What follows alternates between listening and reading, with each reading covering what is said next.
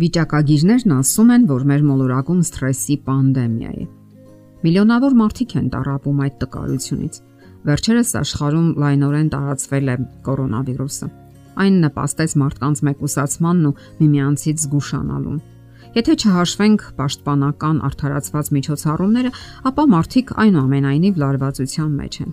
Սակայն մարդկային օրգանիզմը բավական մեծ ֆիզիկական ու հոգեբանական ուժերի pašարներ ունի եւ հարկավոր է օգտագործել այդ pašարները։ Որոնք են այդ pašարները։ Խոսենք հույզերի մասին։ Հույզերն ունեն ամենատարբեր դրսևորումներ։ Մեր հասարակության մեջ ընդունված է, որ չարությունը, վարկությունը, վախը, գրգռվածությունը, նախանձն ու ագահությունը պետք է դնել առաջին տեղում։ Իսկ սերը, հոգատարությունն ու շնորհակալությունը երկրորդ տեղում։ Սա իհարկե զգացմունքների լրիվ ցանկը չէ, որովհետև գոյություն ունեն հույզերի շատ այլ դրսևորումներ, ինչպիսիք են օրինակ ինքն իրեն խղճալը, իրենից գոհ ու բավարարված լինելը, տագնապը, մեղավորության զգացումը, ամոթը եւ այլն։ Մասնագետները այս առումով խորհուրդ են տալիս հասկանալ եւ ընդունել սեփական հույզերը։ Մենք չենք կարող արգելակել դրանց դրսևորումները, սակայն կարող ենք այնպես ընդունել ու հակազդել, այնպես վերաբերվել, որ դրանք մեզ վնաս չպատճառեն։ Հասկանալի է, որ դա այնքան էլ հեշտ չէ, սակայն պետք է անենք մեզանից կախված հնարավորը, եւ դա պետք է լինի մեր ողջ կյանքի ընթացքում։ Ինչպես նշեցինք, պետք է հասկանալ սեփական զգացմունքները։ Բռնկումն օրինակ կործանարար էներգիա է, եւ այն մարդիկ, ում դեմ ուղված է ձեր բռնկումը, հայտնվում են շատ վատ կամ վտանգավոր վիճակում։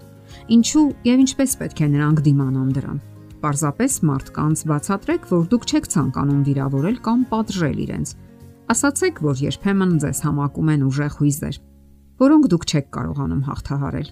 Նշեք, որ դուք էլ վատ եք զգում այդ պորտքումների բացասական զգացմունքների պատճառով։ Նաև գործի դրեք ձեր տրամաբանությունն ու բանականությունը։ Ձգտեք միշտ տրամաբանորեն բացատրել, շարադրել ձեր փաստարկները, թե ինչ եք ցանկանում ասել, ինչի համար եք հուզվում կամ բարկանում Շարադրեք դրանք դիմացինին հասկանալի եւ ընդունելի ձևով։ Հասուն անznավորությունը պետք է լինի վերահսկելի կամ կառավարելի։ Ի վերջո, դուք եք պատասխանատու ձեր յուրաքանչյուր արարքի դիմացիներին լարված վիճակի մեջ գցելու համար։ Հատկապես, եթե այդ դիմացինները ի վիճակի չեն պատասխանելու համահունչ ձևով։ Առանց հավատի դժվար է պատկերացնել մեր կյանքը։ Յուրաքանչյուր մարդ վաղ թե ուշ սկսում է մտորել իր հավատի հիմքերի մասին Նա մտորում է նաև այն աշխարհի մասին, որտեղ ապրում է ինքը։ Հարմարավետ է արդյոք այդ աշխարհը եւ ինչքանով է իդեալական այն ապրելու համար եւ վերջապես ինչքանով է հարմարված ինքն այդ եւ վերջապես ինչքանով է ինքը հարմարված այդ աշխարհում ապրելու համար երբ երկար ես ապրում այս երկրի վրա սկսում ես հասկանալ որ այն ավելի ու ավելի անհարմարավետ է դառնում ապրելու համար եւ ժամանակի հետ շատ բան է փոխվում մարդու արժե համակարգում Հոգևոր զարգացած հասուն անznավորությունը սկսում է գիտակցել, որ միայն նյութական բարեկեցությունը բավական չէ լիակատար ուրախություն ու երջանկություն զգալու համար։ Որովհետև ամեն օր մենք սարսափելի լուրեր ենք լսում։ Մենք չենք կարող մեզ լիակատար երջանիկ զգալ, եթե շուրջ բոլորը դժբախտություն ու տառապանք կա։ Այլոց տառապանքը նույնպես կարող է ցավ պատճառել։ Ահա թե ինչու այնքան անկատար է այս աշխարհը Իսկ ինչպես պահպանել հավատքն այն աշխարհում, որտեղ մեկ օր ապրելն արդեն հերոսություն է համընդհանուր լարվածության, մարդկային անբարյացակամության ու դաժանության մեր օրերում։ Եվ երբ հավատը մուտք է գործում մարդու կյանք, սթրեսը նահանջում է, որովհետև թեթևանում են դժվարությունները եւ լուծման միանգամայն այլ ուղիներ են ծնվում։ Չէ որ հավատի միջոցով մեր կյանքում մուտք է ունենում նաև Աստված։ Մենք սկսում ենք գիտակցել, որ հիմնախնդիրների հետ միասին գտնվում են նաև լուծումները։ Աստծո հետ փոխհարաբերությունները աճեցնում են մեր հավատը եւ օգնում ավելի թեթև ապրելու հետսհետե խեղաթյուրվող մեր աշխարհում։ Սթրեսից ազատ ագրվելուն օգնում է նաև ուրիշներին օգնելը, նրանց հոգսերով ապրելը, կարեկցելն ու ինչ որ ձևով նրանց հիմնախնդիրներին մասնակից լինելը։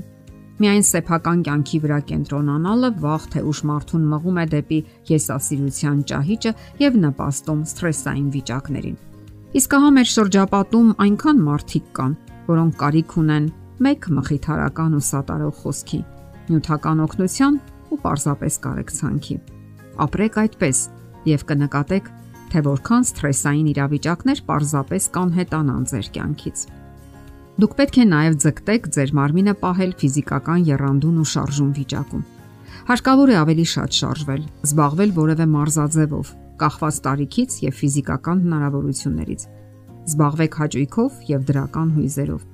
Իսկ եթե զբաղվեք մի քանի ընկերներով կամ պարզապես խմբով, ապա հույզերն ավելի շատ կլինեն։ Հարկավոր է նաև ապրել լիարժեք եւ հարուստ կյանքով, նկատելով կյանքի բոլոր գույները եւ նույնիսկ նրբերանգները ձգտեք ջանք եւ հարուստ հույզեր ներդնել եւ միաժամանակ նկատել մյուսների հոգեկան աշխարհի նրբերանգները։ Զբաղվեք ընթերցանությամբ, շատ կարդացեք, հատկապես որակյալ գրականություն։ Փորձեք ինքներդ էլ գրել ինչ-որ բան։ Կամ փորձեք ձեզ ստեղծագործական այլ ոլորտներում՝ նկարչություն, երաժշտություն, կիրառական արվեստ եւ այլն։ Եվ իհարկե չմոռանաք հումորի մասին։ Թեթև նայեք կյանքին Եթե չեք կարող փոխել իրավիճակները, ապա հարմարվեք իրավիճակներին։ Սիրեք մարդկանց։ Նրանք բոլորն էլ անկատար են ու սխալական, ինչպես մենք։ Այդպիսին է մեր աշխարհը եւ մարդը, որ ապրում է այդ աշխարհում։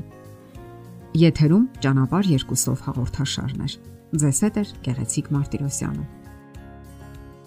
Հարցերի եւ առաջարկությունների համար զանգահարել 033 87 87 87 հեռախոսահամարով։